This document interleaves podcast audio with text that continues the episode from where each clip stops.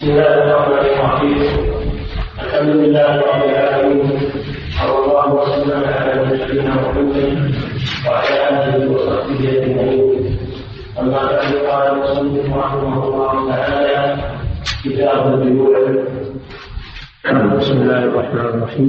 الحمد لله والصلاة والسلام على رسول الله ما بعد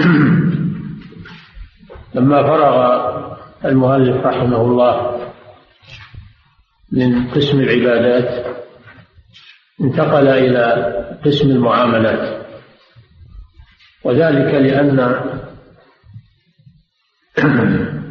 وذلك لأن المؤمن الذي يعبد الله سبحانه وتعالى بحاجة إلى مزاولة مصالحه وما يعتاش من ورائه فهو بحاجة إلى طلب الرزق إلى جانب العبادة وبحاجة إلى طلب الرزق ليعينه على عبادة الله. قال تعالى فابتغوا عند الله الرزق واعبدوا فإذا قضيت الصلاة انتشروا في الأرض وابتغوا من فضل الله. فلا يليق بالمسلم أنه يعطل الأسباب وطلب الرزق ويقول أنا متوكل على الله أو أنا أريد التفرغ للعبادة. هذا لا يجوز في الإسلام لأن الإنسان بحاجة وإذا عطل طلب الرزق صار عالة على الناس. وطلب الرزق الحلال عبادة. وليس الزهد في أنك تترك الدنيا. الزهد في أنك تترك ما حرم الله. وتترك ما ما لا تحتاج إليه. هذا هو الزهد. أنك تترك المحرمات وتترك أيضا ما لا حاجة لك إليه.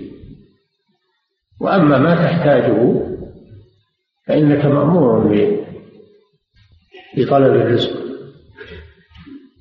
وهو عبادة لله عز وجل لأنه يعين على عبادة الله.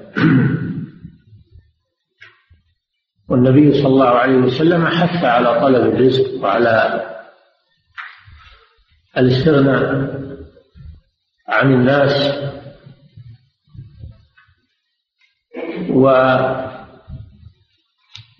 وحذر من مسألة الناس سؤال الناس ووجه إلى العمل والاكتساب في أحاديث كثيرة منها أنه وجه إلى أن الرجل يحتطب على على ظهره ويبيع. خير له من أن يسأل الناس أعطوه أو منعوه. وكذلك وجه الذي عنده قدرة في بدنه على الكسب في أنه لا تحل له زكاة لا تحل لذي مرة قوم يقدر على الكسب. دين الإسلام يحث على طلب الرزق وعلى الاستغناء عن الناس وعلى الترفع عن السؤال. كل هذا مما جاء به الإسلام. واختلف العلماء أي أنواع الكسب أفضل.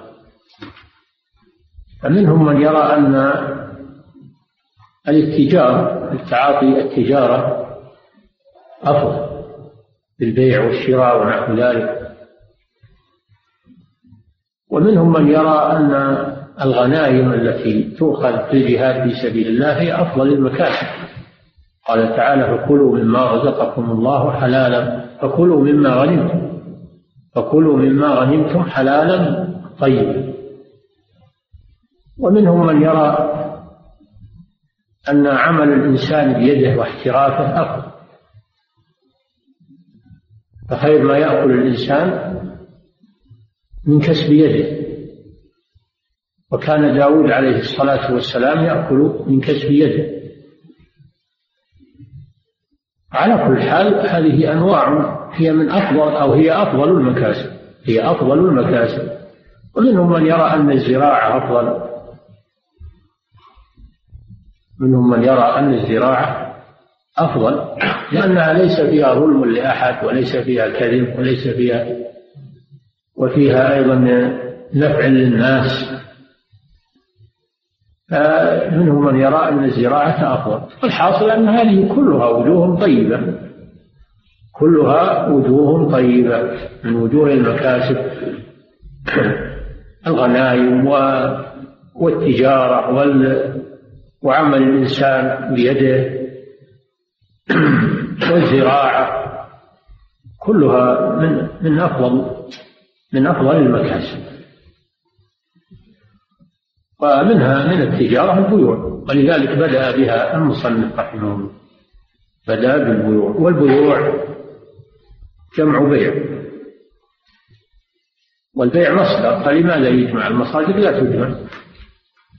قالوا لا لأن البيوع متنوعة منها ما منها بيوع منها بيوع حلال وبيوع حرام محرم منهي عنها. فهو جمعها نظرا لتنوعها من بيوع حلال وبيوع منهي عنها كما يأتي. والبيع في اللغة مأخوذ من الباع وهو اليد لأن كل واحد من المتبايعين يمد يده إلى الآخر يمد باعه إلى الآخر. ومنه البيعة لولي الأمر لأنها تكون بالمصافحة وب وبمد اليد للمبايع. هذا في اللغة البيع في اللغة مأخوذ من الباع وهو مد اليد. لأن كل من المتبايعين يمد يده للآخر وأما في الشرع فالبيع هو مبادلة مال مبادلة مال بمثله على وجه التمليك. مبادلة مال بمثله على وجه التمليك بصيغة معروفة قولية أو فعلية. قولية أو فعلية. هذا هو البيع في الشرع. المبادلة. المبادلة على وجه التمليك. وتكون بصيغة إما قولية بأن يقول بعتك ويقول اشتريت وإما فعلية بأن يمد له السلعة ويدفع له الثمن بدون كلام. هذه تسمى المعاطاة. تسمى الصيغة الفعلية وتسمى المعاطاة. وليس لألفاظ البيع أو المعاطاة في البيع صيغة معينة بل كل ما عده الناس وتعارفوا على أنه بيع وشراء فإنه يمشي يكون صحيحا. لأن لأن الشارع لم يحدد صيغة معينة للبيوع. وأحل البيع ولم يحدد صيغة معينة فيرجع فيه إلى عادات الناس وأعرافهم فما عدوه بيعا فإنه يعتبر بيعا وما لم يعدوه بيعا فإنه لا يعتبر فهو يرجع فيه إلى العرف. هذا هو الصحيح. نعم. كتاب البيوع باب وما الشروط جمع شرط. وهو عند الأصوليين ما يلزم من عدمه العدم ولا يلزم من وجوده وجود ولا عدم. هذا هو الشرط عند الأصوليين. يلزم من عدم الشرط عدم المشروط. ولا يلزم من وجود الشرط وجود المشروط. هذا هو الشرط. والشروط في البيوع. الشروط في البيوع أن يشترط أحد المتعاقدين على الآخر نفعا في المبيع أو نفعا في الثمن. أن يشترط كل من المتعاقدين بموجب العقد ما له فيه مصلحة كاشتراط التأجيل وتقسيط البيع على أقساط واشتراط أن تكون السلعة سليمة من العيوب أو يشترط على العاقد نفعا معلوما بأن يحمل المبيع إلى بيته أو أن يركب على الدابة إلى أن يصل إلى مكان معين. يشترط البائع يستثني أن يركب الباع الدابة التي أو السيارة التي باعها أن يركبها إلى محل معين ثم يسلمها له. ونحو ذلك من المنافع المعلومة. يشترط أحد المتعاقدين نفعا في المعقود عليه أو نفعا من الطرف الثاني. كان يحمل له الحطب. وأن يحمله على الدابة أو أن يرهن اشترط البائع على المشتري أن يرهن المبيع إلى أن يسدده الثمن أو غير ذلك من الشروط. قوله صلى الله عليه وسلم المسلمون على شروطهم. والعلماء اختلفوا في الشروط في البيع هل تصح أو لا تصح؟ منهم من يرى أنه لا يصح الشرط في البيع لأن النبي صلى الله عليه وسلم نهى عن بيع وشرط. فلا تصح الشروط كلها في الهوى ومنهم من يرى أنها تصح الشروط إذا كانت إذا كانت بين المتعاقدين أو في المعقود عليه. نفع في المعقود عليه أو نفع من العاقد للطرف الثاني. فهذا يجوز. وهذا مذهب الإمام أحمد رحمه الله. هذا هو مذهب الإمام أحمد رحمه الله. أما إذا شرط شرطا خارجا عن البيع فهذا لا يصح. إذا شرط عليه شرطا قال بيعك هالسيارة لكن بشرط أنك تخليني أسكن بدارك أو إني إني أنتفع بكذا وكذا من من أملاكك هذا خارج عن البيع. هذا شرط خارج عن البيع شرط في ذات عين ثانية غير التي وقع عليها العقد. هذا لا يجوز لأنه بمنزلة بيعتين أو هو بيعتان في في بيعة. نعم. بن رافع رضي الله عنه أن النبي صلى الله عليه وسلم سئل يستغفر قال عمل الرجل بيده وكل رجل مبرور رواه البزار وصححه الحاكم الرفاعة بن رافع بن خديج رضي الله تعالى عنه هو وأبوه صحابيان جليلان. أن النبي صلى الله عليه وسلم سئل أي الكسب أطيب؟ قال عمل الرجل بيديه وكل بيع مبرور. عمل الرجل بأن يحترف يحترف ويأكل من حرفته هذا أفضل المكاسب. لأنه لا لا يدخله الغش ولأنه نتيجة تعب نتيجة عرق جبين.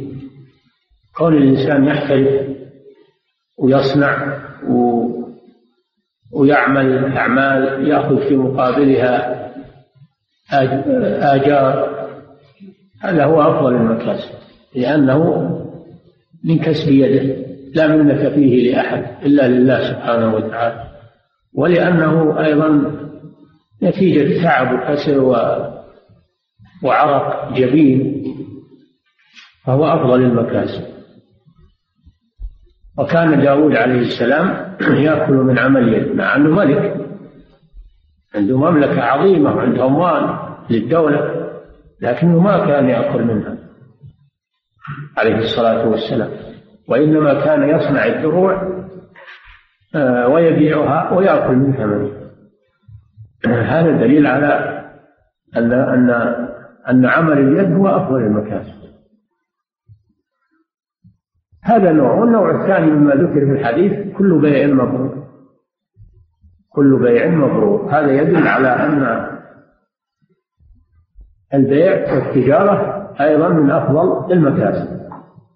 من أفضل المكاسب. إذا خلت من الكذب والغش فقوله المبرور اشترط في البيع أن يكون مبرورا. والمبرور هو الذي ليس فيه كذب وليس فيه غش وليس فيه احتيال وليس فيه تدليس عيوب كتمان للعيوب هذا هو المبرور المبني على الصدق.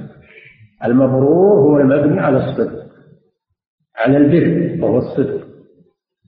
وفي الحديث البيعان بالخيار ما لم يتفرقا فإن صدقا وبينا بورك لهما وإن كذبا وكتما محقت بركة بيعهما.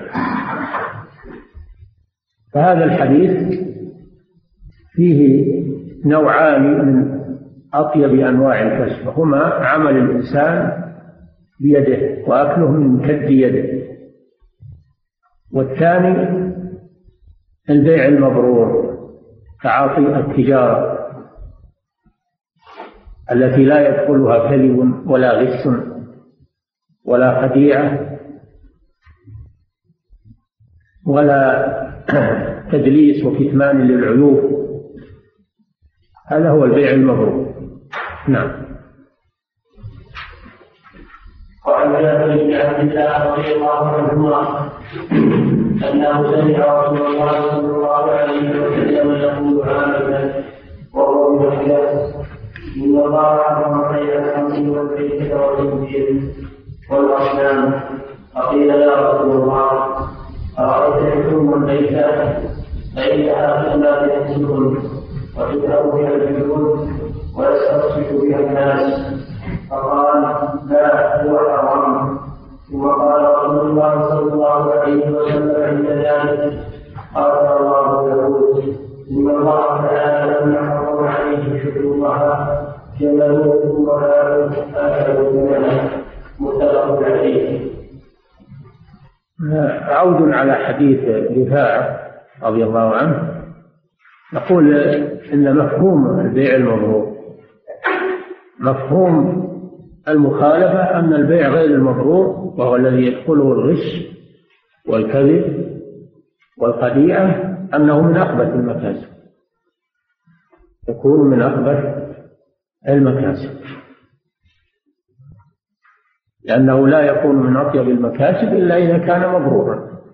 فدل على أنه إذا لم يكن البيع مبرورا إنه يكون من أخبث المكاسب. كثير من الناس اليوم نبذوا الصدق وراء ظهورهم فصاروا يتبايعون بالغش والخديعة و وأنواع الحيل على الناس ويعتبرون هذا من من الحزق في البيع والشراء ويعتبرون الذي يصدق في البيع والمعاملة أنه مغفل وأنه هكذا عرف كثير من الناس. فما بالكم بالذي يأكل الربا ويأكل المكاسب المحرمة الصريحة يأكل الميسر يأكل يأكل هذا أشد والعياذ بالله. نعم. وعن جابر بن عبد الله رضي الله عنهما انه سمع رسول الله صلى الله عليه وسلم يقول عن الذي وهو بمكه إن الله حرم بين الخمر والليل والخنزير والاصنام فقيل يا رسول الله ارايت حكم الليل فانها لا يسلكون وتذهب بها الجنود ويستغفر بها الناس فقال لا هو حرام ثم قال رسول الله صلى الله عليه وسلم عند ذلك قال الله يقول ان الله تعالى مما حرم عليه حلوها جملته ولا انفع عليه عليه إن الله لما حرم عليه حلوها شحومها. حلوها كذا عندهم أو شحوم الميت. ها؟ نعم. يعني الميت. نعم. متفق عليه نعم. هذا الحديث فيه بيان أنواع من البيوع المنهي عنها البيوع؟ المنهي عنها وهو أن النبي صلى الله عليه وسلم قال في يوم فتح مكة وذلك في السنة الثامنة من الهجرة خطب صلى الله عليه وسلم وقال إن الله حرم بيع الميتة بيع بيع الميتة والخمر والأصنام حرم بيع الميتة والخنزير والخمر والأصنام أربعة أشياء. حرم بيع يعني منع. التحريم معناه المنع. تحريم معناه المنع. أي منع من ذلك منع من بيع هذه الأشياء ونهى عن ذلك. والميتة كل ما مات بغير زكاة شرعية. الميتة ما مات بغير زكاة شرعية. ما زهقت روحه بدون زكاة شرعية. هذا هو الميتة. والميتة حرمها الله. في القرآن حرمت عليكم الميتة والدم ولحم الخنزير ما أهل لغير الله به. فالميتة محرمة. وما دامت محرمة فإنه يحرم بيعها. وأكل ثمنها لأن الله إذا حرم شيئا حرم ثمن فلا يجوز بيع لحوم الميتة ولا شيء من أجزائها ما عدا الأشياء التي لا تحلها الحياة الوبر والصوف والظفر والأشياء التي لا تحلها الحياة. يجوز والجلد إذا دبر الجلد إذا دبر كما سبق وكان مما وكان مما يباح بالتذكية يجوز استعماله بعد الدبر ويطهر ويجوز بيعه. إذا كان مما تعمل فيه الزكاة كبهيمة الأنعام الإبل والبقر والغنم. فهذه الأجزاء من الميتة يجوز بيعها لأنها لا تحلها الحياة ولأن الجلد قال النبي صلى الله عليه وسلم إنه طهره دباء الميتة طهورها طهره الماء والقرف وأما ما عدا ذلك من الميتة فإنه لا يجوز بيعه. ولا أكل ثمنه لأن الميتة خبيثة حرمها الله لخبثها. وما حرمه الله لا يجوز بيعه وأكل ثمنه هذه الميتة. والخمر. والخمر المراد به ما أسكر. فما يسكر يحرم بيعه سواء كان قليلا أو كثيرا. ما أسكر كثيره فقليله حرام. فكل أنواع المسكرات لا يجوز بيعها لأنها من الخمر والخمر ما خامر العقل من أي مادة كان سواء من العنب أو من الشعير أو من التمر أو من أي مادة كان. كل ما يسكر العقل ويغطيه فإنه يحرم شربه وفيه الحد ويحرم بيعه على الناس وأكل ثمنه. ومن باب أولى والعياذ بالله بيع المخدرات. إنها أشد من الخمر. مخدرات أشد من الخمر. على قبح الخمر وخبث الخمر المخدرات أشد. لأنها تفتك بالعقل وبالجسم. وتحول الإنسان من إنسان إلى بهيمة. وفي النهاية إلى قطعة لحم. أو, أو مجموعة عظام حتى اللحم يروح. مجموعة عظام والعياذ بالله حتى يموت الإنسان. حتى يموت الإنسان ميتة سوء والعياذ بالله. بيع المخدرات أشد ترويجها والعياذ بالله أشد. ولذلك الذي يجلب المخدرات ويروجها بين المسلمين يجب قتله لأنه من المفسدين في الأرض. يجب قتله وإراحة المسلمين. من شره وكذلك ما فيه ضرر على الجسم مثل الدخان تب والقات هذه أشياء مضرة. ضررها واضح. وتورث الأمراض الفتاكة كالسرطان بأنواعه والأمراض الخبيثة. هذا مما قرره أطباء العالم. فبيع الدخان المادة الخبيثة وبيع القات هذه تسمى بالمفترات تسمى بالمفترات عندنا ثلاثة أشياء الخمر والمخدرات والمفترات كلها يحرم بيعها ولكن بعضها أشد بعضها أشد من بعض والعياذ بالله.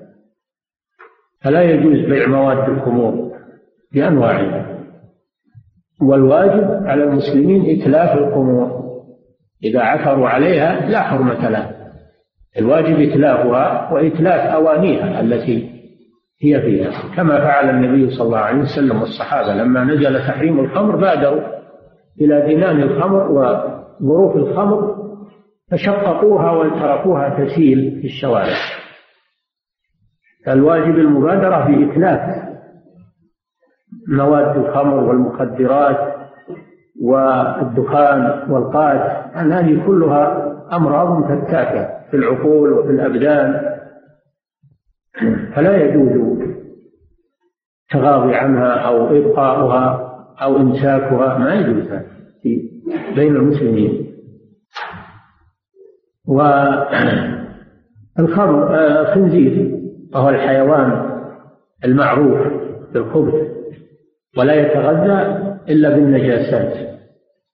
لا يتغذى إلا بالنجاسات من العذرات والأوساخ وفيه أمراض فتاكة لذلك حرمه الله سبحانه وتعالى. نص على تحريم حرمت عليكم الميتة. حرمت عليكم الميتة والدم ولحم الخنزير. وهو حيوان معروف. حيوان معروف. هو من أخبث الحيوانات. ولحمه من أخبث اللحوم. وتحريمه بجميع الشرائع. تحريمه بجميع الشرائع. فالذين استحلوه ممن ينتسبون إلى النصرانية هؤلاء خالفوا دين دين الأنبياء كلهم. أنه لم تأتي شريعة بإباحة الخنزير. وإنما استباحوه هم. استباحوا أشد من هذا وهو الشرك. والقول على الله بلا علم. قالوا إن الله ثالث ثلاثة المسيح ابن الله. هذا تصرفهم والعياذ بالله. واستباحوا الخنزير. وصاروا يأكلونه ويغذونه ويتاجرون به. ويبيعونه في معارض اللحوم. مع أنه أخبث المطاعم وأخبث اللحوم. فلا يجوز بيع الخنزير ولا أكل ثمنه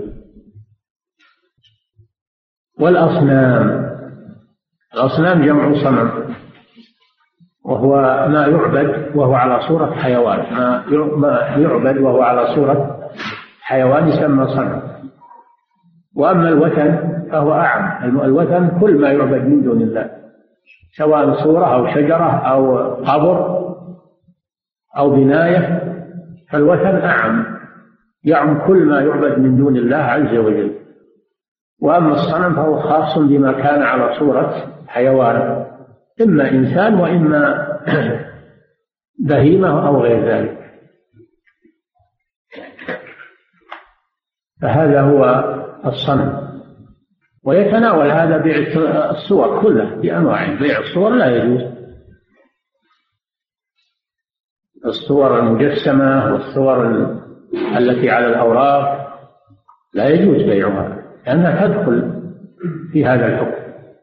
وإن لم تكن تعبد من دون الله في الحال لكن مآلها وإبقاؤها والمتاجرة فيها وترويجها يؤول إلى عبادتها. يؤول إلى عبادتها. والشارع والشارع جاء بسد الذرائع المفضية إلى الشرك بالله عز وجل. فإذا سمح بالتصوير وصناعة التماثيل وبيعها وترويجها فهذا يؤول إلى عبادتها من دون الله خصوصا إذا كانت صورا للمعظمين كالعلماء والملوك والأولياء والصالحين إذا كانت صور للمعظمين فالفتنة فيها أشد. وقد تكون الصور وسيلة إلى إلى الفساد في الأخلاق صور النساء صور المردات صور آه، العاهرات والسافرات صور العراة. هذه وسيلة إلى فساد الأخلاق ودعاية إلى إلى فعل الفاحشة فالصور بجميع أنواعها وأشكالها محرمة لا يجوز بيعها واقتناؤها لأنها إما أن تؤول إلى الشرك وفتح هذا الباب يؤول إلى صور المعظمين ونصب صور المعظمين ثم تعبد من دون الله. وإما أنها تؤول إلى فساد الأخلاق إذا كانت صورا لنساء جميلات أو أو مرجان أو غير ذلك. فلا خير في الصور. ولهذا لعن النبي صلى الله عليه وسلم المصورين. وأخبر أنهم أشد الناس عذابا يوم القيامة. وأن من صور صورة في الدنيا كلف أن ينفخ فيها الروح يوم القيامة وليس بنا لأنه لا ينفخ الروح إلا الله سبحانه لكن هذا أمر تعجيز تعذيب. وأنه يجعل لكل مصور يوم القيامة بكل صورة صورها نفس يعذب بها في جهنم. فما أشد الوعيد في هذا. التصوير الذي فتن به الناس صاروا يسمونه فن من الفنون. فيه هذا الوعيد الشديد. ونهي عن بيع الصور سواء كانت تماثيل أو كانت على أوراق أو كانت على ثياب وأقمشة. إذا كانت الصور مقصودة فلا يجوز. أما الأقمشة والأواني التي فيها صور لكن الصور ما هي مقصودة. المقصود هو الأواني أو الأقمشة. فهذه صور مهانة لا قيمة لها. صور مهانة لا قيمة لها. فهذا فيه التحذير من من تداول الصور في أسواق المسلمين وبيعها ترويجها. من الناس من تكون بضائعه الصور. ويشتد النهي إذا كانت هذه الصور تعبد من دون الله. كصور آلهة المشركين البوذيين والوثنيين أو الصليب عند النصارى لأن الصليب يزعمون أنه على صورة المسيح وهو مصلوب عليه الصلاة والسلام لزعمهم. وقد كذبوا. الله جل وعلا نجى رسوله من القتل والصلب ورفعه إليه وطهره من الذين كفروا. لكن هم يزعمون أن هذه الصورة هي صورة المسيح. وهي في الحقيقة ليست صورة المسيح وإنما هي صورة الذي ألقي عليه الشبه فقتلوه يظنونه المسيح. هو الذي قتل وصلب وأما المسيح فقد نجاه الله سبحانه. وما قتلوه وما صلبوه ولكن شبه لهم. وهذا من مكر الله به. ومكروا ومكر الله. والله خير الماكرين. مكر الله بهم وأنجى رسوله من بينهم وألقى شبهه على رجل خائن دلهم على مكانه فهو الذي قتل وصلب. عقوبة له. فالحاصل أن أن الصور بجميع أنواعها وأشكالها سواء كانت صور تماثيل وهي المجسمة أو صور على أوراق مرسومة باليد أو مأخوذة بالآلة الفوتوغرافية لا يجوز بيعها ولا تعاطيها ولا أكل ولا أكل ثمنها. وما هلكت الأمم السابقة إلا بسبب الصور قوم نوح ما وقعوا في الشرك إلا بسبب نصب الصور على مجالسهم. بنو إسرائيل بنو إسرائيل عبدوا العجل الذي صوره لهم السامي تمثال من الذهب. صوره على صورة ثور. صوره على صورة ثور. وجعل الهوى يدخل من فمه ويخرج من دبره. لأنه لأنه صورة ما هو شيء. فدخل فصار له خوار يعني الهواء إذا دخلت صار له صوت. ظنوا إن هذا هو هو الله عز وجل. وقال لهم السامري هذا إلهكم وإله موسى. فنسي يعني موسى نسي إن هذا هو ربه راح راح لموعد ربه. هو نسي إن هذا هو الرب وراح يدوره. يقولون على كليم الله هذا الكلام القبيح. هذا إلهكم وإله موسى فنسي. نسأل الله العافية الحاصل أن سبب وقوعهم في الشرك هو التصوير الصور. قوم إبراهيم وقعوا في الشرك بسبب التماثيل ما هذه التماثيل التي أنتم لها عاكفون فإذا وجود التماثيل ووجود الصور المعظمة لا سيما إذا كانت لذوي الشأن في الناس هذا يؤدي إلى عبادتها من دون الله. ولو بعد حين. ما نقول الناس الآن فاهمين التوحيد وفاهمين العقيدة وفاهمين لا يجي أجيال فيما بعد فيأتيهم الشيطان فيزين لهم عبادته فيعبدونه. إذا رفع العلم ونسخ العلم يجي ناس جهال فيعبدونها. والشيطان له نظر بعيد ما هو ينظر إلى الحاضر فقط ينظر إلى المستقبل. لو ما أدرك من الحاضرين شيء يأمل في اللي يتون من بعد كما صنع بقوم نوح. الحاصل أن الصور خطرها عظيم. وأمرها يسير هذه الصور التي تساهل الناس فيها الآن. بل صاروا يعدونها من الفنون الجميلة هي من أشد الخطر على الأمة. نسأل الله العافية. نعم. فلما حرم بيع هذه الأشياء الميتة والخمر والخنزير والأصنام قالوا يا رسول الله أرأيت شحوم الميتة؟ الميتة عرفنا أنها حرام. لكن شحومها فإنهم كانوا يذيبونها بالنار ويطلون بها السفن يطلون بها السفن من أجل أن لا يدخلها الماء. طلع ويستصبح بها الناس يعني يجعلونها مصابيح سرج يسرجون بها على منازلهم. يجعلونها في أواني يضعون فيها فتيلة ويوقدون النار في الفتيلة تشتعل. تشرج عليهم تصبح تصبح عليهم المكان. يستصبح بها الناس. سألوا الرسول صلى الله عليه وسلم هل هذا يدخل في المنع؟ أرأيت شحوم الميتة فإنها تطلى بها السفن ويستصبح بها الناس. يعني هل هي حلال أو تدخل في الحرام؟ فقال صلى الله عليه وسلم لا هو حرام. لا أي لا تفعلوا هذا. ثم علل ذلك بقوله هو حرام. واختلف العلماء في مرجع الضمير فيه هو. هل هو إلى البيع؟ أي هو أي بيعها حرام؟ أو مرجع للانتفاع بها. هو أي الانتفاع بها حرام. فبعضهم يرى أن أن الضمير يرجع إلى البيع فلا مانع من الانتفاع بها في غير البيع. لا مانع من الانتفاع بها في غير البيع. ومنهم من يرى أن مرجع الضمير إلى الانتفاع فلا يجوز الانتفاع بها لا في طلاء السفن ولا في الاستصباح وهو الظاهر الله لأنه سئل عنها أرأيت؟ فقال لا هو حرام هذا جواب للسؤال. والسؤال ما هو سؤال عن البيع؟ السؤال سؤال عن هذا الانتفاع. عن هذا الانتفاع.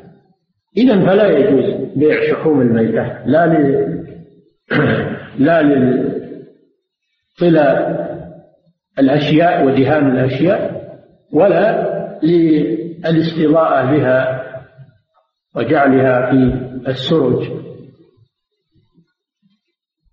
وإنما يستصبح بودك الحلال.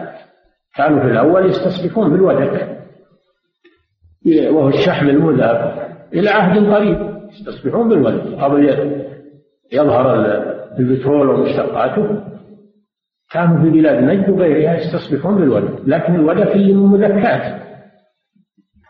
وأما الودك الذي من ميتة فهذا لا يحل ولا يجوز.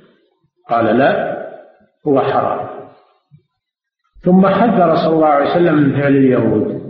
وهو الاحتيال على ما حرم الله. حذر هذه الأمة من احتيال اليهود الذين يحتالون على ما حرم الله. من عادتهم هذا أنهم يحتالون على ما حرم الله. ومن ذلك أن الله لما حرم عليه شحوم الميتة جملوها يعني أذابوها وباعوها وأكلوا ثمنها. قال قاتل الله اليهود. قاتل الله قاتل الله يعني لعن الله. فمعنى قاتل الله لعن الله اليهود. لما حرم الله عليهم شحوم الميتة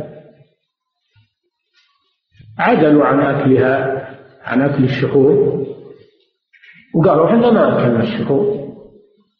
نعلم أن أكل الشحوم حرام شحوم الميتة. لكن لجأوا إلى حيلة وهي أنهم حولوها إلى ودك. وظنوا أن الشيء إذا تحول من من من حالة إلى حالة أنه يتغير الحكم. والحكم لا يتغير. لا يتغير الحكم. سواء كان ودكا أو كان شحما لا يتغير. ما دام إنه من ميتة إنه حرام. ففي هذا الحديث فوائد عظيمة. الفائدة الأولى النهي عن بيع هذه المواد الخبيثة.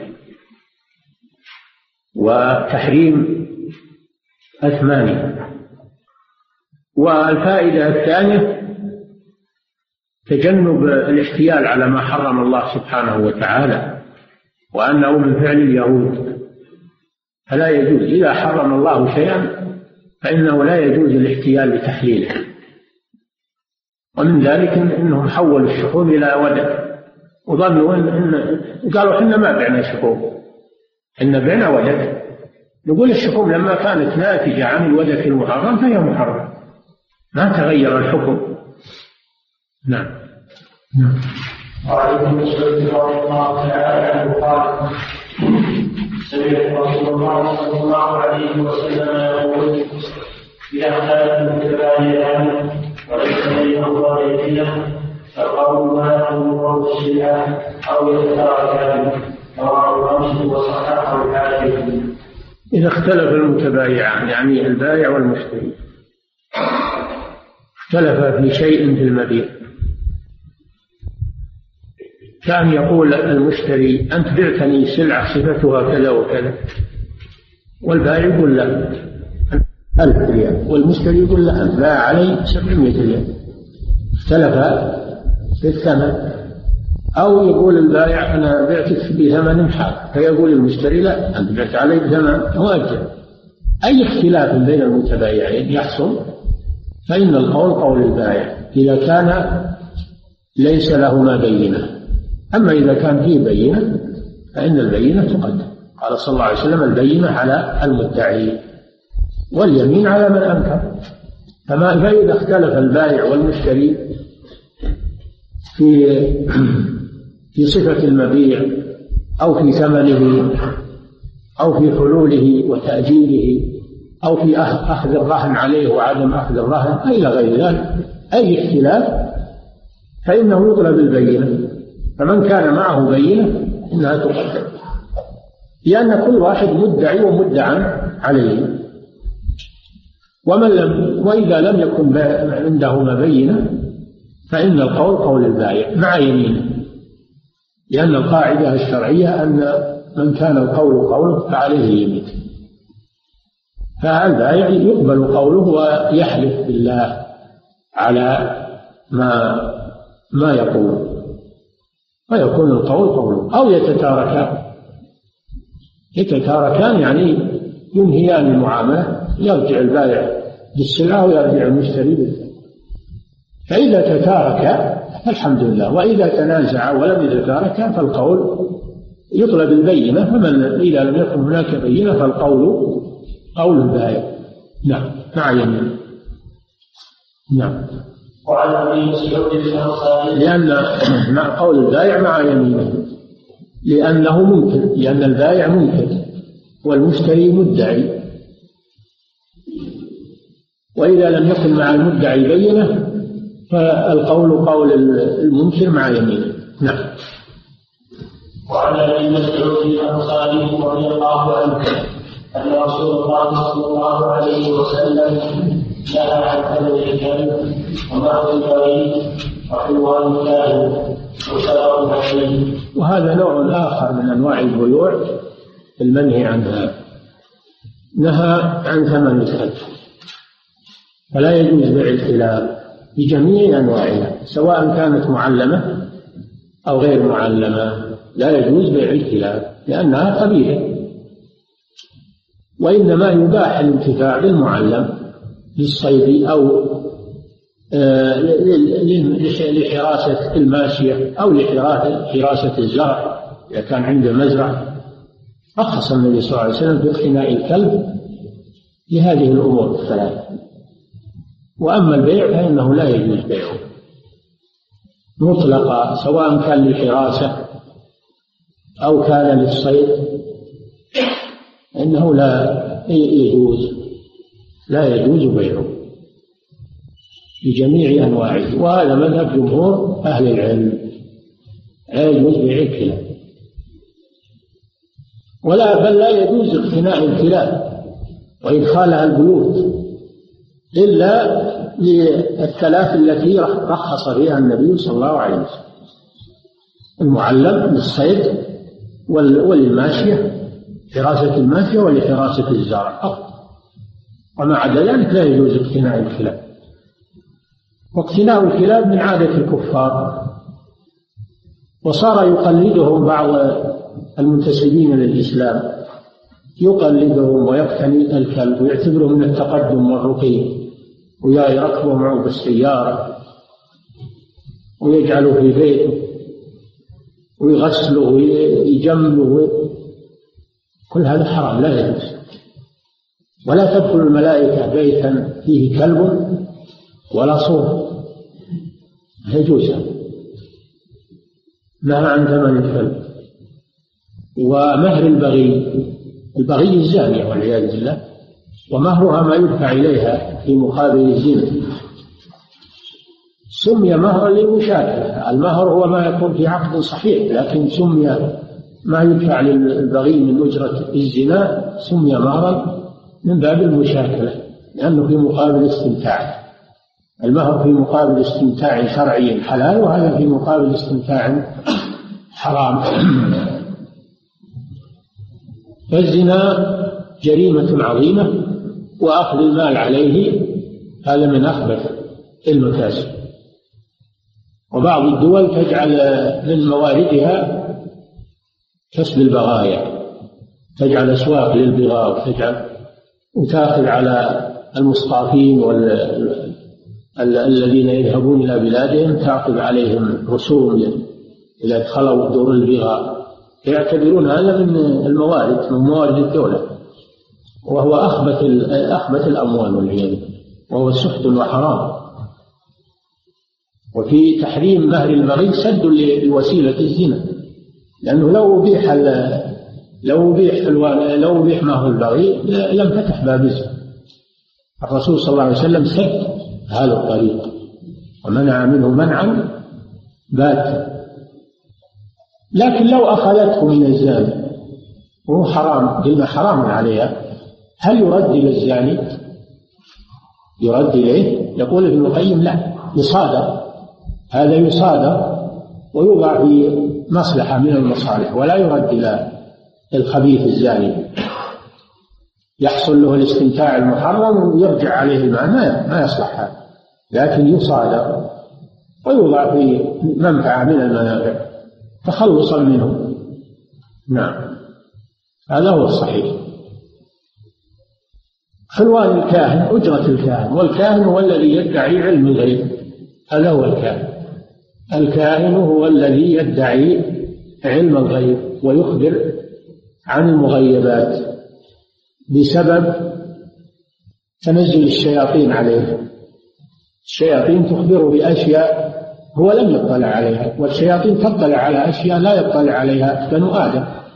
فيخبرونه فيخبر الناس. لا عن علم حصل عليه هو وإنما عن طريق الشياطين. هل أنبئكم على من تنزل الشياطين؟ تنزلوا على كل أفاك أثيم. يلقون السمع وأكثرهم كاذبون. فهم يتعاملون مع الشياطين. أو بواسطة الضرب بالحصى أو الودع أو غير ذلك من أنواع الشعوذات. وهي في الحقيقة استخدام للشياطين.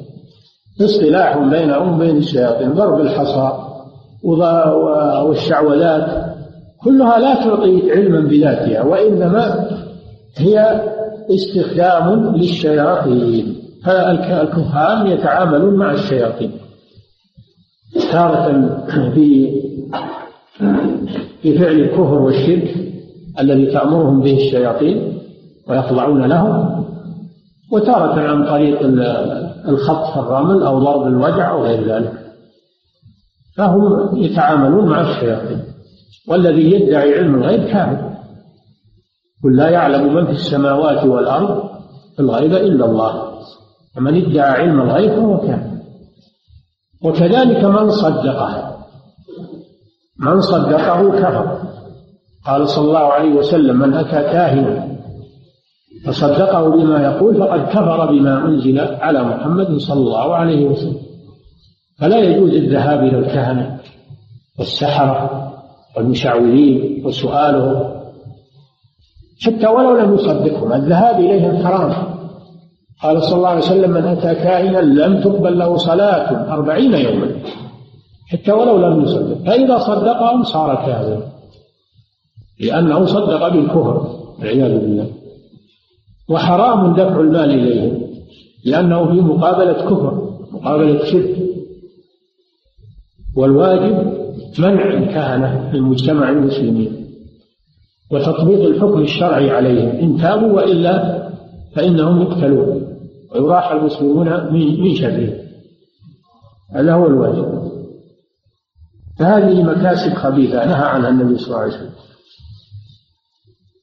ثمن الكلب هذا في البيع. يجوز بيعه أو تأجيره أو تحصيل أي نفع مادي من ورائه. وكذلك مهر البغي وهو ما يؤخذ في مقابل الزنا وحلوان الكاهن وهو ما يؤخذ في مقابل ادعاء علم الغيب كل هذه مكاسب محرمة والشاهد من الحديث هو الأول نهى عن ثمن الكلب لأننا في كتاب البيع الآن. دل على تحريم بيع الكلاب بجميع أنواعها. نعم. وعن جابر بن عبد الله أنه كان على جبل له تحت فأراد أن يشربه. قال فلحقه النبي صلى الله عليه وسلم فدعا لي وضربه فسار سيرا لم يزل فتنه فقال بعنيه بأوتية قلت لا ثم قال بعنيه فبعته بأوتية واشترطت سندانه إلى أهلي فلما بلغت رأيته بالجبل فنفذ في يمنه ثم رجعت فارسل في أهليه فقال أتراني تراني.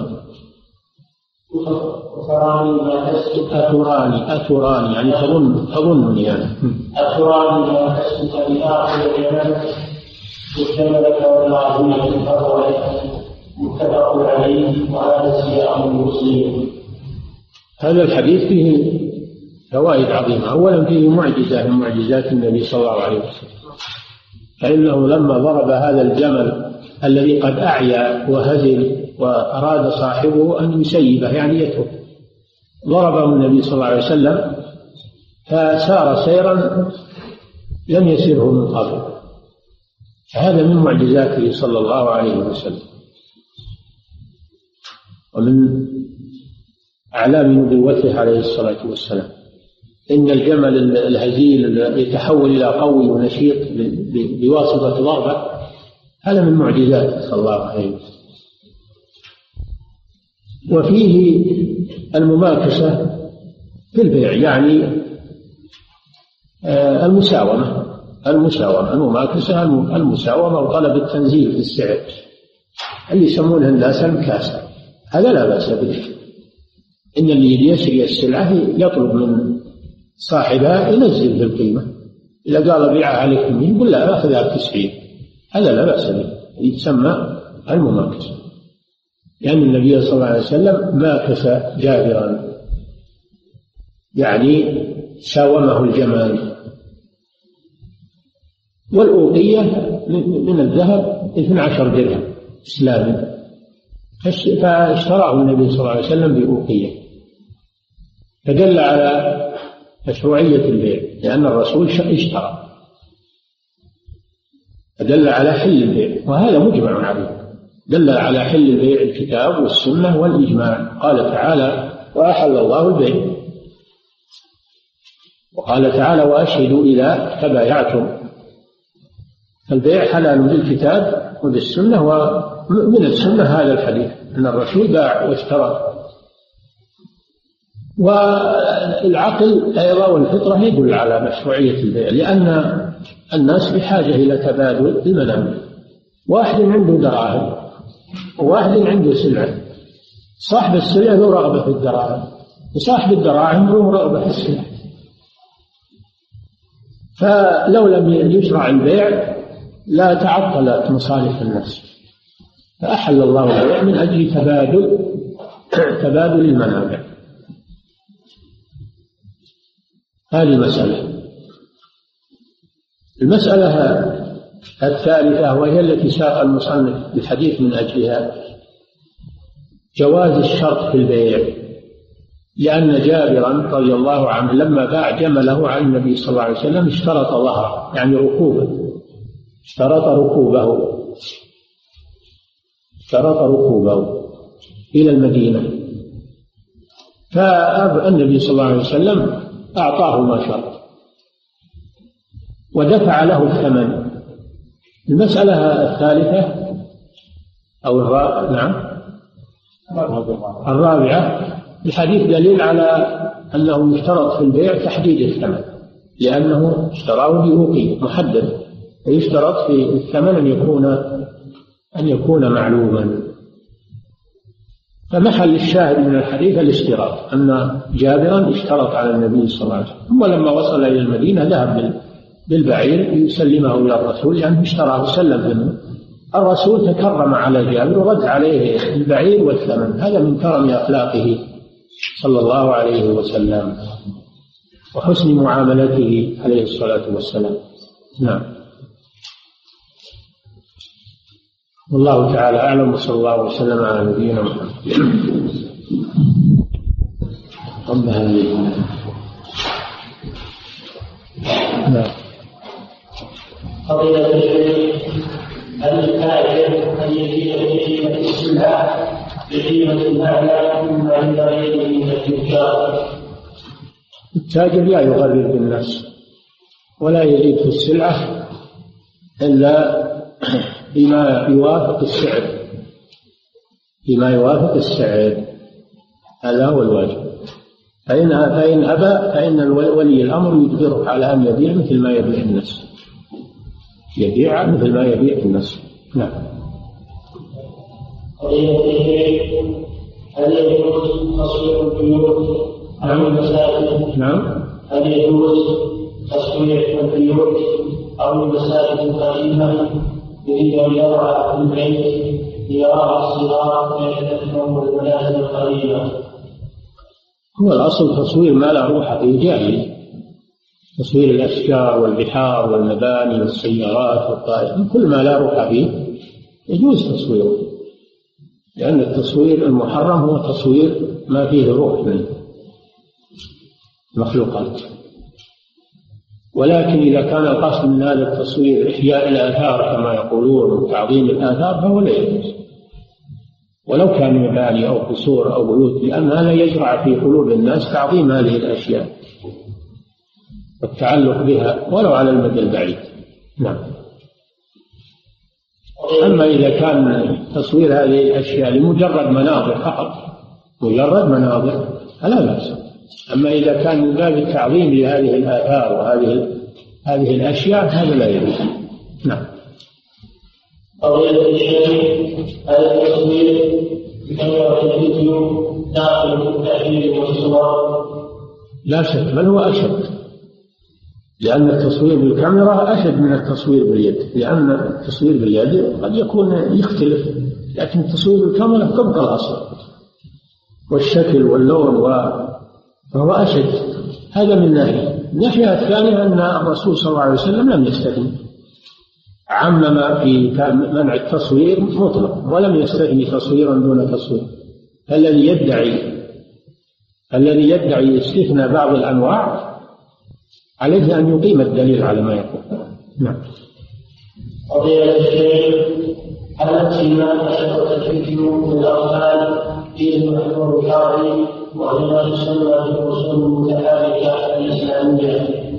الصور لا يجوز استعمالها لا للأطفال ولا للكبار وكيف نربي أولادنا على الصور؟ وينشأون على إلفها وعلى آه، محبتها والارتباط بها. هذه تربية سيئة. لا يجوز تعويد الأطفال على الصور سواء كانت متحركة أو ثابتة أو غير ذلك.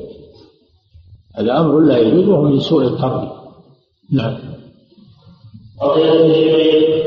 هل ورد عن الرسول صلى الله عليه وسلم أنه قال تسعة اشهر نصف امتي التجاره ما أعلم شيء نعم. قضية الشيخ ذكر أكثر الدليل أن العلة في تحريم لحم الخنزير هي بعض المغيرة الحلال يورد يقولون يورد الديانة.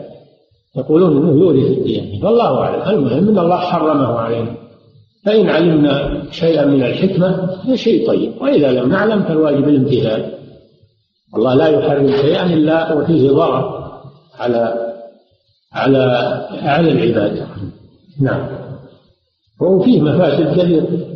يورث الأمراض ويورث فساد الأخلاق والدياثة التساهل في في الغيرة على المحارم. نعم. قضية الشيخ هل تدخل الثمرات الحكومية والتدريس؟ قال الله تعالى أو لحم خنزير. فإنه رجس سماه رجسا. الرجس هو النجس الخليفة. نعم. هل؟ تدخل الوظائف الحكومية والتدريس تحت نوع عمل الرجل بيده فتكون من أغلب المفاسد؟ هل الوظائف الحكومية والتدريس تدريس. حسب تقول التدريس. نعم أي نعم. نعم نعم نعم. يدخل إذا إذا توظف وقام بالعمل على الوجه المطلوب ونصح فيه ولم يغش ولم يخلع ولم يأخذ رشوة ولم وقام بالعمل ولم يتأخر عن العمل ولزم العدالة بين الناس والمراجعين فهو من أطيب المكاسب. يدخل في كسب العمل اليد نعم. قضية شراء المدينات الصعب التي فيها صور وما أثرها هل يجوز شراؤها أما الصور الخليعة والمجلات الخليعة هذه لا يجوز شراءها ولا إدخالها البيوت. فيه مجلات مختصة بالخلاعة والمدون ونشر الإلحاد والدعاية للفساد في الأخلاق التعري هذه لا يجوز شراؤها ولا يجوز إدخالها في البيوت. وأما المجلات اللي فيها أخبار وفيها معلومات فيها ولكن فيها بعض الصور فإن كان قصده الصور لا يجوز له أن يشتريها. وإن كان قصده ما في المجلة من معلومات وأخبار والصورة لا ليست مقصودة له يجوز شراء هذه المجلات وإن طمسها برأس القلم فهو أفضل. نعم. ظهر في الآونة الأخيرة ما يسمى بالأجار نتائج التمييز فمعروف ذلك هذا محل إشكاله تحت الدراسة. شاف شيء كثير نعم. قضية الشيء هل الإشتراك من المجلات سواء الأموات يعد من التهاوي البرهان فلا تقبل له صلاة وأربعين يوما يوما. إيه لا يجوز أن يشتري المجلات اللي فيها اللي فيها تنجيم أو فيها ادعاء علم الغيب أو فيها كهانة ما يجوز أن يشتري ولا الكتب ولا كتب الزندقة والإلحاد والشعوذة يجوز أن يشتري هذه الأشياء. نعم. ما حكم علاج السحر بالسحر؟ لا يجوز. علاج السحر ما يجوز بالسحر. والله لم يجعل شفاءنا فيما حرم علينا. يعالج السحر بالقرآن والأدوية المباحة ما أنزل الله داء إلا أنزل له شفاء. فيعالج بما شرع الله. وأما ما حرم الله لا يجوز العلاج به. وأشد المحرمات بعد الشرك السحر والعياذ بالله. نعم. قضية الشيخ شخص أراد إخراج الناس من بيته. هل يجوز أن يبيعه على غيره؟ لا. دام انه مخرجه عن بيته. يرى أنه لا يجوز استعماله. كيف يبيعه على غيره؟ يتلفه يتلفه والحمد لله. نعم. يؤجر على هذا. نعم.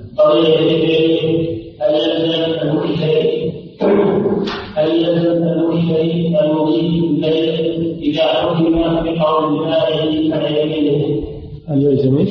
المشتري المضيف الليل إذا حكم بقول البائع فيمينه أي نعم يلزم يلزم البيع. اذا حكم القاضي بقول البائع ما يمين كما قال النبي صلى الله عليه وسلم القول قول البائع يلزم يلزم قبول الحكم. نعم.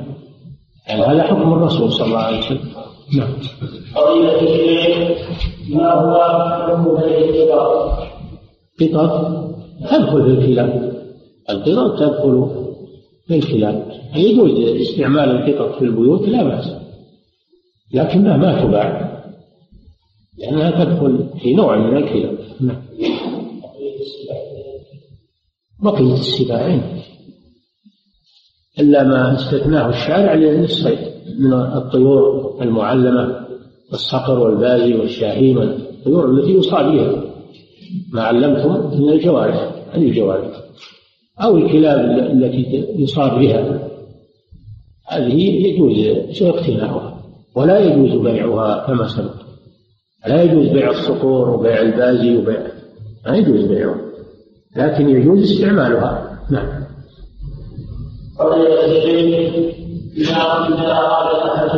وبعض العلماء يرى أنه يجوز بيع بيع الطيور المعلمة التي يصاد بها. يقول لأنه ليس فيها نهي. النهي جاء عن الكلب.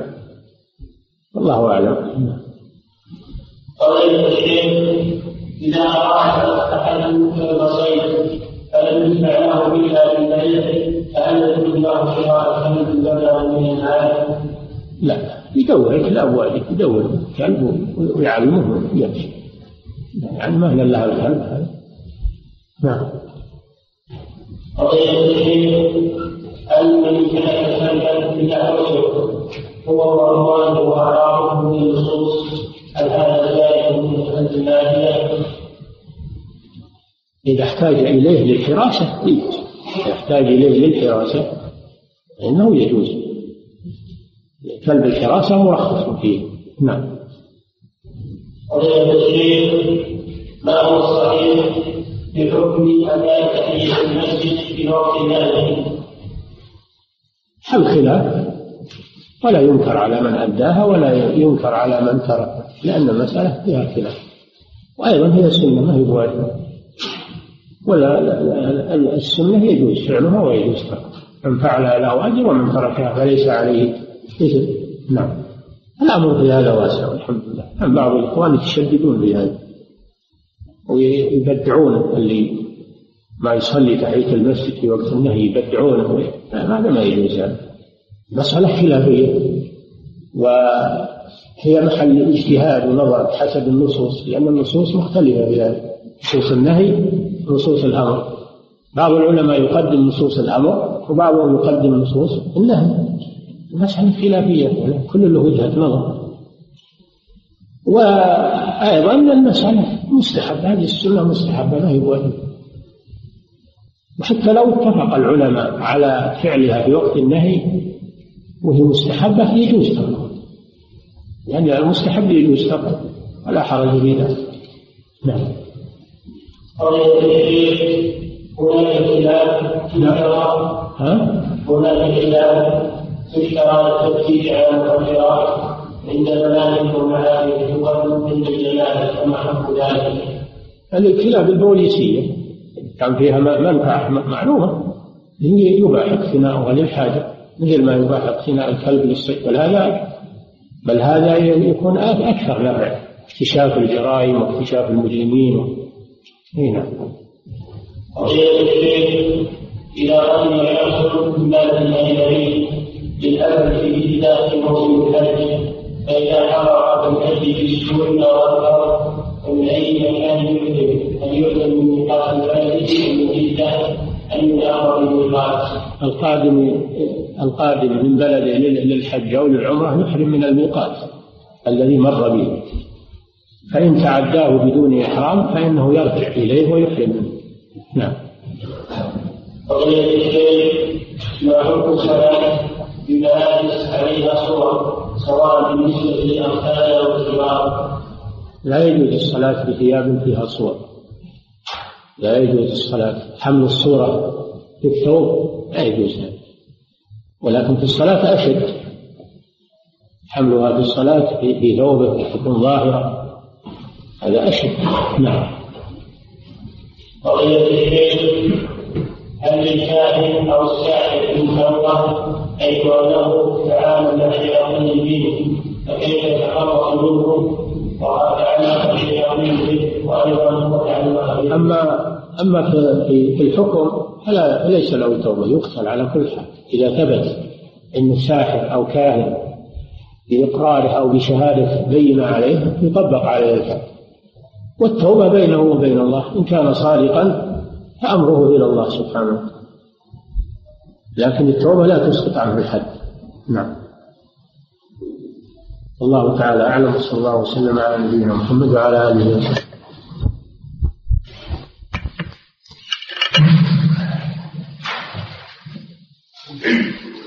بسم الله الرحمن الرحيم. الحمد لله رب العالمين والصلاة والسلام على نبينا محمد وعلى آله وصحبه أجمعين.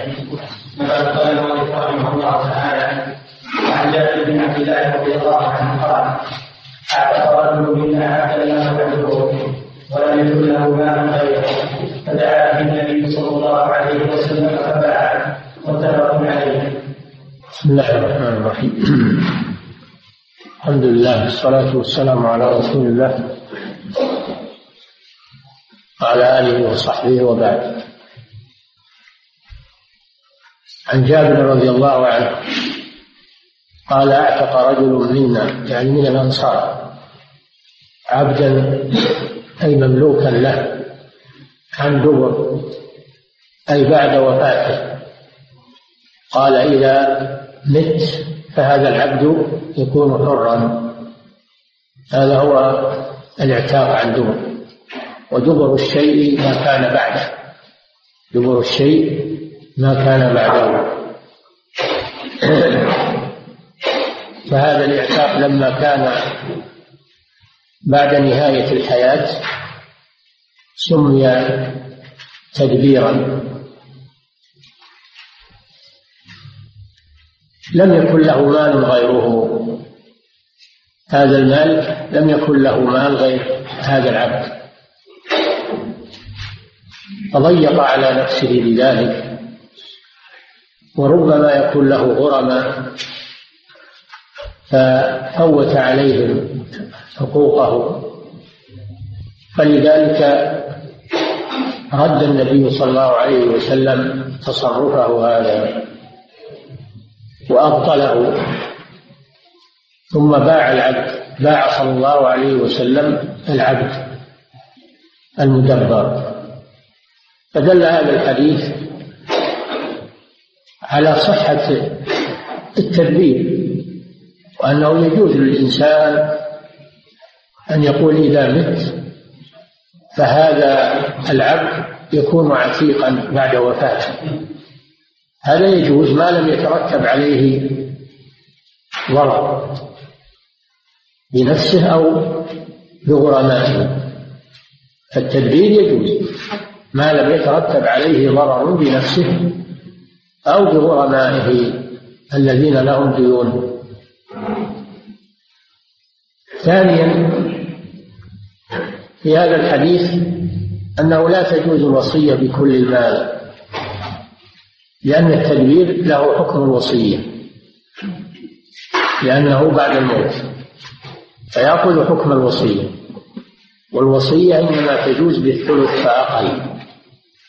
كما قال صلى الله عليه وسلم الثلث والثلث كثير.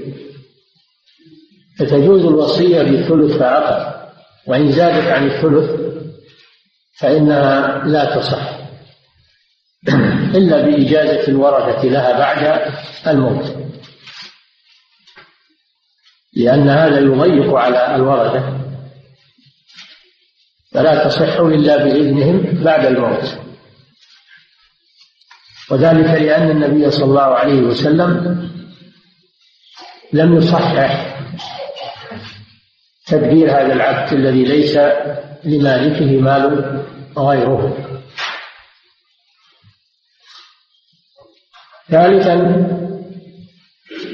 في الحديث دليل على جواز التصرف في الوصية ما دام الإنسان حيا فللإنسان أن يبدل ويغير في وصيته وأن يعدل عنها لأنها لا تلزم إلا بعد الموت. فلو أوصى إنسان بشيء وهو حي ثم بدا له أن يتراجع أو أن يغير في وصيته جاز له ذلك. لأنها لا تلزم إلا بعد الموت.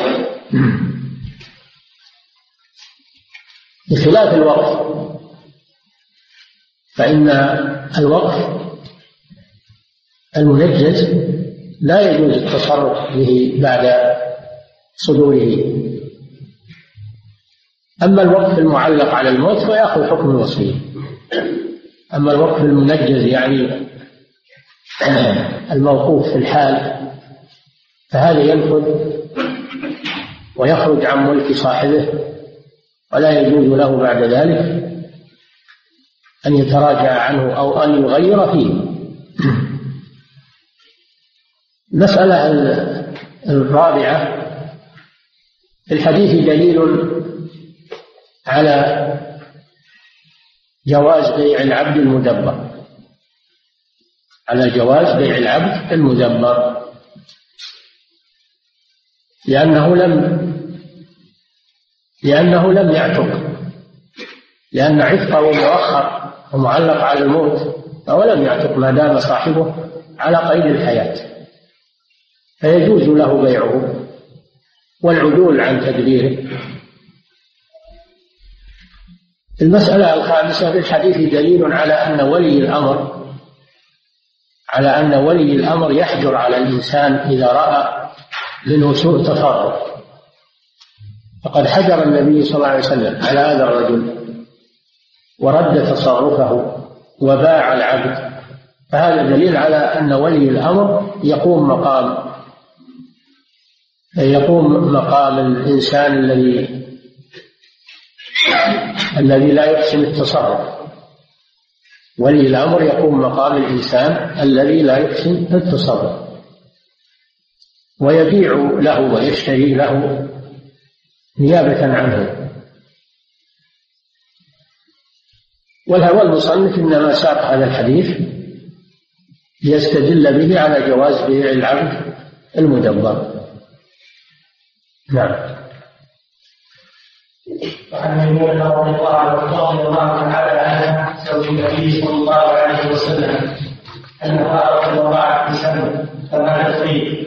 فسئل النبي صلى الله عليه وسلم عنها. فقال ألقوها وما حولها واقتلوه رواه البخاري وزاد أحمد والنسائي في سن جامع. نعم. وعن أبي هريرة رضي الله تعالى رضي الله تعالى عنه قال قال رسول الله صلى الله عليه وسلم إذا وقعت المراه في السمن فإن كان جابرا فاكوها وما حولها وإن كان نافعا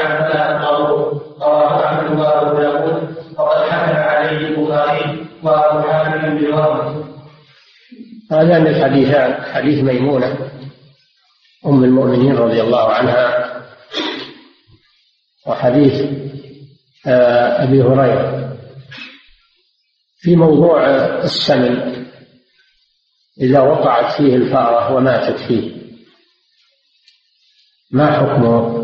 النبي صلى الله عليه وسلم يقول إذا وقعت الفأرة في سمن أحدكم أو إذا وقعت الفأرة في السمن فألقوها وما حولها. ألقوها وما حولها.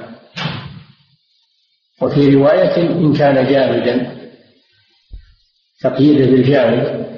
وفي الحديث الذي بعده تفصيل إن كان جامدا فإنها تلقى وما حولها وإن كان مائعا فإنه لا يكره فهذا الحديث فيه دليل على مسائل.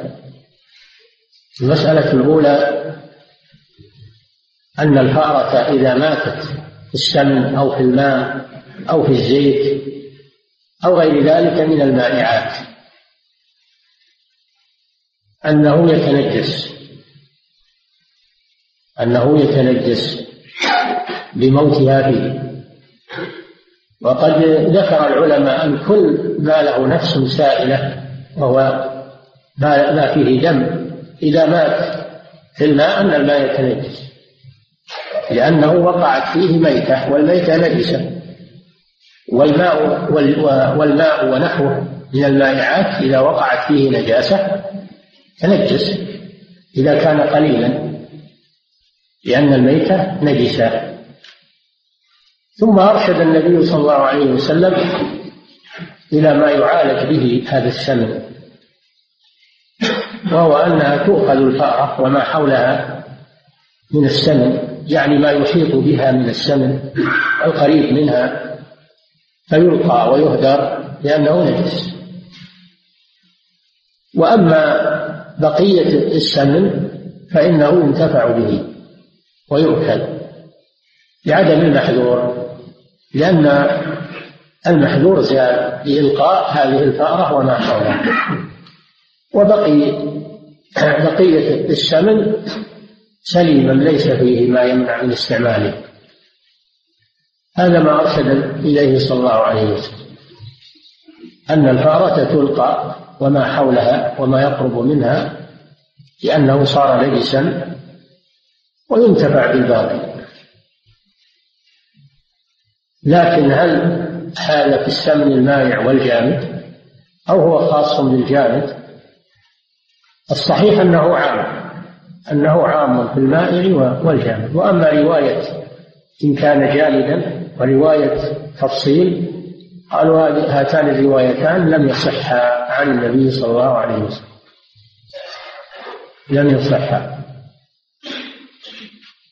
عن النبي صلى الله عليه وسلم. وما دام دامتا لم تصحا فإنه يبقى الأمر على العموم. بدون مخصص. فالسم سواء كان مانعا أو جامدا إذا ماتت فيه الفأرة ونحوها مما فيه دم فإنه يلقى تلقى هذه الميتة وما حولها وينتفع بالباقي في زوال المحذور هذا قول جمهور أهل العلم ولا يصححون رواية التقييد بالجامد لا يصححونها. لكن قد تسأل لماذا ساق المصنف هذا الحديث في كتاب البيوع؟ وهو موضوع في الأطعمة. موضوعه في كتاب الأطعمة. الجواب أنه إذا جاز استعماله جاز بيعه. إذا جاز استعماله جاز بيعه. هذا قصد المؤلف رحمه الله من إيراده هنا أن السمن إذا أزيل ما وقع فيه من الفأر ونحوه وأزيل ما حوله. جاز جاز أكل الباقي والتصرف فيه وجاز بيعه وأكل ثمنه. بقاء على الأصل وهو الحل لزوال العارض الذي حصل. وهذا من تيسير الله سبحانه وتعالى ومن سماحة هذه الشريعة. فإن إهدار هذا الماء كل إهدار السمن أو إهدار الزيت أو إهدار الماء إهداره فيه المضرة على الناس. والشرع إنما جاء بالسماحة واليسر. فيزال الضرر الذي حصل وينتفع بالباقي. وليس وليس على المسلم حرج في ذلك. وهذا فيه مخالفة اليهود لأن اليهود يتشددون في النجاسات حتى إنهم يشقون الثوب الذي فيه نجاسة ولا يغسلونه ما يغسلون النجاسة وإنما يشقونها من الثوب ويفسدون الثوب. فهذا من من التشدد والآثار والأغلال التي ما أنزل الله بها من سلطان. وعلى العكس النصارى فإنهم يتساهلون في النجاسات ويباشرونها ويعتبرون هذا من الدين والتقرب إلى الله سبحانه وتعالى. يعتبرونه من التواضع. تعبد لله بالنجاسات هذا يعتبرونه من الدين.